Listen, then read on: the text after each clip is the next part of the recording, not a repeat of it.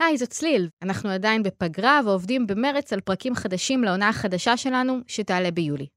בינתיים, אנחנו מציעים לכם להקשיב, יחד עם הילדים שלכם, לסדרת בת שעשינו בשיתוף עם החינוכית, שנקראת גורי כיס. האזנה נעימה, ונשתמע בקרוב. אתן מאזינות ואתם מאזינים לכאן הסכתים, הפודקאסטים של תאגיד השידור הישראלי. היי, אני צליל אברהם. ואני שאול אמסטרדמסקי, ואתם מאזינים לפרק הרביעי של גורי כיס, הפודקאסט הכלכלי של כאן חינוכית, לילדים וילדות שרוצים לדעת איך העולם עובד.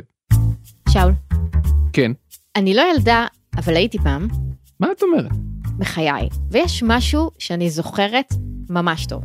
איזה כיף זה שאת נרדמת באוטו ואת מתעוררת במיטה שלך? לא, האושר הפתאומי הזה כשמישהו נכנס לכיתה ומודיע שיש שיעור חופשי? גם, אבל לא לזה התכוונתי. אוקיי, אז מה? אני זוכרת שמכל הדברים המסתוריים והלא מובנים בעולם של המבוגרים, הדבר הכי לא מובן הוא הבנק. הבנק? הבנק. את יודעת איזה משעמם בבנק? היום כן, אבל כשהייתי ילדה, oh my god, האם זה חדר עם אוצר? יש שם כספות? מי שומר על כל הכספות עם כל הכסף? יש מכונה שאפשר להוציא ממנה כסף מהקיר? של מי הכסף הזה? מה קורה פה? אז בדיוק בשביל זה אנחנו פה. לא, לא, אני בסדר, אני כבר הבנתי. כן, אבל יש הרבה ילדים וילדות שעדיין יש להם המון שאלות כאלה. למשל, עלמה. עלמה היא עדיין ילדה, אבל כבר עכשיו יש לה כסף בבנק. אבא שלי וסבא שלי מכניסים לי כמות כסף כל חודש-חודשיים כזה לבנק, וכשאני אהיה בת 18 אני אוכל להתחיל למשוך את הכסף הזה, אבל עדיף לשמור אותו. אני חושבת שזה אתגר גדול לילדה, לדעת שבגיל 18 יהיה לה כסף והיא תוכל למשוך אותו, אבל עדיף שלא. גם בגיל 18 זה אתגר. זה לגמרי נכון. עלמה יודעת שהכסף שלה נמצא אי שם במקום שנקרא הבנק, אבל איפה בדיוק הוא נמצא? הם מעבירים אותו לבנק והם שומרים בכספות ולוקחים כסף על זה שהם שומרים, ו... לא, כי, כי אפשר תמיד לגנוב לך, למרות שגם אפשר לפרוץ לבנק ולגנוב לך את הכסף. ואני לא הכי יודעת מה כל כך בטוח בבנק יותר מאשר בכספת בבית. שאלה טובה. כן, אז הלכתי לשאול את הבנק. לא סתם בנק, אלא הבנק שאחראי על כל הבנקים, בנק ישראל שדיברנו עליו בפרק הקודם. זה איילון בנימין, והוא אחראי על תחום החינוך הפיננסי בבנק ישראל. הבנק שומר היטב על כספנו. אנחנו בבנק ישראל מפקחים על הבנקים ודואגים שאת הכסף שהפקדת בבנק תוכל לקבל בחזרה מתי שתצטרך. במידה ותחליט לשמור את הכסף בכספת בבית, האחריות על שמירת הכסף וההגנה על הבית תהיה עליך. יש בתים שמורים ומאובטחים יותר, ויש כאלה שפחות. לכן, זוהי החלטה שלכם היכן לשמור את הכסף, בבנק או בכספת. עלמה אומרת משהו נכון, גם לבנק אפשר לפרוץ ולגנוב את הכסף. זה מאוד מאוד מאוד נדיר, אבל אחת לכמה זמן זה קורה. נכון, אבל אפילו בפעמים הבודדות שזה כן קרה, המדינה החזירה את הכסף לאנשים שהוא נגנב מהם. אם הכסף נגנב מהבית, אין מה לעשות. ואיילון מציין עוד סיבה לשמור את הכסף בבנק. חשוב לדעת שאם תבחרי לשמור את הכסף בבנק, מעבר לזה שהכסף יהיה שמור ומוגן, תוכלי לקבל אותו בכל מקום. בעזרת כרטיס החיוב שתקבלי מהבנק, תוכלי למשוך כסף מהכספומט, על ידי כך שתקישי את הקוד הסודי שרק את מכירה, ולקבל את הכסף שלך. אם תשמרי את הכסף בבית, יהיה לך קשה למשוך אותו כשתהיי בעיר אחרת. ואפילו בחו"ל. צליל, אל תדברי איתי על חו"ל, אני כבר שנה מנסה להוציא דרכון בשביל לטוס לחו"ל.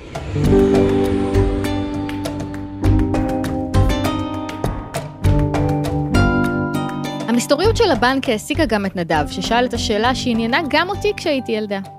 אבל נגיד הכסף בבנק, איך שומרים את זה? כאילו בתוך כספת שומרים כסף, או שהם שומר, הם יודעים כמה כסף אמור להיות לך, וכשאתה רוצה להוציא, הם, הם מוציאים לך מכסף ש, שהם, שהם כאילו מרוויחים מכל מיני דברים. אני מרגישה שאנחנו הולכים להיות שותפים לרגע מפתיע בחיים של הילדים שמאזינים לנו. נדב, אתה מוכן לזה? אני מקווה שאתה מוכן, כי שים לב, הבנק שלך לא שומר את הכסף שלך בתוך כספת. הכסף שלך בכלל לא נמצא בתוך הבנק. וזה לא הכל. הכסף הזה גם לא נמצא באיזה הר גדול של כסף. הבנק עושה איתו דברים. אם למשל נדב שם את הכסף בבנק, ועכשיו יש מישהו אחר שרוצה לבקש הלוואה מהבנק, הוא רוצה לקחת כסף ולהחזיר אחר כך, מאיפה לבנק יש כסף לתת לו? הוא יכול לקחת מהכסף שלך ומהכסף של עוד אנשים אחרים ששמו את הכסף שלהם בבנק, ולתת בינתיים לאיש הזה שרוצה לקחת הלוואה. ואם נדב כן ירצה את הכסף שלו פתאום, אז תידלק נורה אדומה בבנק, וכל הבנקאים ירוצו בבהלה ויצעקו, איפה שמתי את הכסף של נדב? אוי, לא. כי זה לא בדיוק עובד ככה. לא. אם נדב ירצה את הכסף שלו, אז הוא יהיה שם. זה אחד מהדברים שבנק ישראל עושה. הוא מוודא שהבנק משאיר אצלו מספיק כסף, כדי שכשאנשים יבואו לבקש את הכסף שלהם, יהיה מספיק. מה שמעלה את השאלה הבאה של נדב. אבל למה אתה צריך לשלם כסף בשביל לקחת את הכסף שלך? זה באמת מוזר, אני נותנת להם את הכסף שלי, הם הולכים, מלווים אותו, עושים איתו כל מיני דברים, ואז אני צריכה לשלם להם על זה? למה? אז שאלנו את זה גם את איילון בנימין מבנק ישראל. כדי שתהיה לנו את האפשרות לנהל חשבון בבנק ולבצע כל מיני פעולות עם הכסף שלנו, הבנק נדרש להחזיק סניפים, לפתח מערכות מחשב מורכבות שיוכלו לבצע את כל הפעולות שנבקש, לסלם שכר לעובדים שלו, הבנקאים, ויש לבנק עוד הוצאות.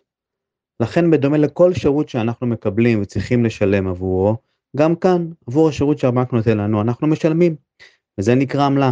לבנק עולה כסף לשמור לנו את הכסף ולאפשר לנו למשוך אותו איפה שנרצה, ועל העלות הזאת הוא מוסיף עוד כסף ומרוויח. רק שהבנק מרוויח המון כסף על החשבונות שלנו. המחירים שהוא מבקש ממי שרוצים לפתוח חשבון או להוציא כסף מהבנק, המחירים האלה מאוד גבוהים, אבל לא באמת חייבים לשלם אותם. זה שוב איילון. חשוב שתדעו שאפשר לבוא לבנק ולהתמקח איתו על המחיר שהוא מבקש מאיתנו לשלם. אפשר לבקש ממנו הנחה. במידה והוא מסרב, אפשר לפנות לבנק אחר ולבדוק איתו מה העמלה שהוא מבקש אם ננהל אצלו את החשבון. במידה והעמלה זולה יותר, נוכל לחזור לבנק הראשון שלנו ולומר לו, הבנק השני הציע לנו עמלה זולה יותר. אם תציע לי את אותו המחיר של העמלה, אני אשאר אצלך, ואם לא, אני אעבור בנק.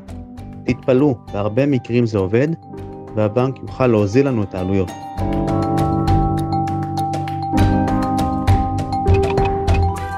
אוקיי, אז עכשיו נדב יכול ללכת לבנק, לבקש שישמרו לו על הכסף שלו, להתמקח עם הבנק, כלומר, לבקש לשלם פחות על זה ששומרים לו את הכסף, בשביל שהוא לא ישלם להם יותר מדי. לא בדיוק, זה אורי. נכון, כאילו בשביל לפתוח חשבון צעיר צריך להיות לפחות בן 14 בבנק, אז למה אני שאני בן 11 לא יכול לעשות את זה, והילד שגדול ממני בשלוש שנים כן, כאילו מה ההבדל? אני חושב שזה מה שקוראים לא פייר. כן, אתה יודע מה אני חשבתי שלא פייר כשהייתי קטנה? חשבתי שזה לא פייר שאסור לי להיכנס לבד לבריכה. חשבתי שזה לא פייר שלכל הילדים בכיתה מרשים לראות טלוויזיה עד מאוחר ולי לא. לא חשבתי אף פעם שזה לא פייר שאסור לי לפתוח חשבון בנק. במילים אחרות, אורי, יהיו לך מספיק שנים, תאמין לי, לבלות בבנק. ובכל זאת, אנחנו באנו לכאן כדי לענות לילדים על שאלות על כסף, אז הנה התשובה של איילון בנימין מבנק ישראל. לנהל חשבון בנק זה בעצם דורש אחריות רצינית. מדובר בניהול הכסף שלנו, וחשוב לדעת שיש משמעויות רבות לכל מיני פעולות שנבצע עם הכסף שלנו. לכן כמו שבמקרים אחרים יש דרישה לגיל מסוים, למשל כדי להוציא רישיון נהיגה, אה, להוציא תעודת זהות וכדומה, כך גם נקבע שפתיחת חשבון בנק תהיה מגיל 14. שימו לב, גם הפתיחה מגיל זה היא בעצם בתנאים.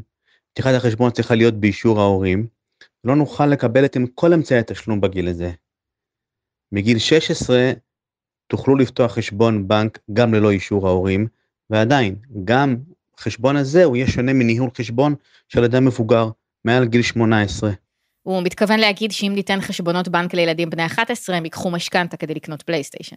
אני לא חושב שילד שרוצה חשבון בנק בגיל 11 יעשה דבר כזה.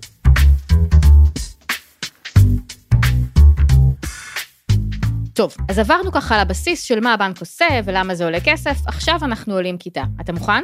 מוכן. לא, כי זה קיצוני. אני לא פוחד. אוקיי. שלום, אני נועם, אני גר בטורונטו, ויש לי שאלה, איך יוצרים כס... כסף? לפני שיוצרים כסף, צריך להחליט מי יופיע על הכסף. קודם כל, מחליטים מי יופיע על השטרות. בעבר הופיעו על השטרות נשיאים וראשי ממשלות, וכיום מופיעים משוררים. למשל, לאה גולדברג, שהיא משוררת וכתבה גם את איי פלוטו ודירה להשכיר, מופיעה על שטר של 100 שקלים. לאחר מכן מתחיל תהליך עיצוב השטר. יוצרים דוגמה לעיצוב השטר, משלבים אותו בתוך תבנית, מעין דף גדול עם העיצוב שנבחר. מכניסים את התבנית שיצרנו לתוך מכונה מיוחדת, ושם מדפיסים את השטרות בתהליך ארוך מאוד. אם מדפיסים את הכסף במדפסת, זה אומר שכל אחד יכול להדפיס כסף? לא את הכסף הזה, תשמע מה ילון אומר. במהלך התהליך הזה הם משלבים גם סימני ביטחון בשטרות, כדי שלא ניתן יהיה לזייף את השטר. למשל, אם לוקחים את השטר של 100 שקלים עם התמונה של לאה גולדברג ומחזיקים אותו מול האור, רואים ליד התמונה הגדולה של גולדברג עוד תמונה קטנה, בשחור לבן. רק בשטר אמיתי ולא מזויף יש את התמונה הזאת. בצד ימין של השטר גם יש פס זוהר עם המספר 100 וסמל המנורה, וכשמטים את השטר הסימנים הזוהרים מופיעים ונעלמים. ויש עוד הרבה סימנים כאלה. בקשו מאמא או אבא שטר של 100 או כל שטר אחר, שימו מול האור ותוכלו לראות את זה בעצמכם. אחרי שהתבנית מוכנה, חותכים אותה לשטרות, ונותנים לכל שטר מספר סידורי שונה. כך אנחנו מייצרים את הכסף שלנו. איפה כל הדבר הזה קורה? אז זהו, שהיינו שמחים לראות, ובטח גם הילדות והילדים היו רוצים ללכת ולראות, אבל אנחנו לא יודעים איפה זה קורה. השטרות שלנו מודפסים בחוץ לארץ, במדינה אחרת, במקום מאוד מאוד סודי, ויש מעט מאוד אנשים שיודעים איפה בדיוק זה קורה. נצטרך למצוא משהו אחר לעשות בשבת. אז נועם, עלמה, אורי ונדב, אנחנו מקווים שענינו על כל השאלות שלכם. אבל הדבר הכי הכי חשוב שאתם צריכים לדעת לגבי הכסף שלכם, הוא שהוא לא גדל על העצים. מה? אני מצטער, אני הייתי חייב להגיד את זה, אני כל החיים שלי חיכיתי להגיד את המשפט הזה.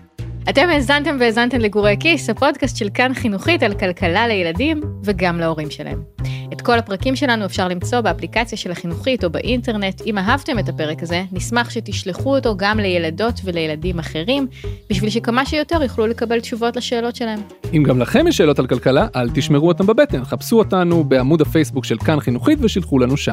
את כל הרעיונות עם הילדות והילדים בסדרה ערכה דנה פרנק, את התחקיר ערכה אפרת שייר, ועל ההפקה הייתה עדי סלם. כל הרעיונות הוקלטו בבית אריאלה, באדיבות אגף התרבות בעיריית תל אביב. תודה רבה לעורכת שלנו נועה בן הגיא וגם לאסף רפפורט ורחל רפאלי שערכו את הסאונד לכל הסדרה הזו. תודה רבה צליל אברהם. תודה רבה שאול אמסטרדמסקי. ותודה רבה לכם שהאזנתם.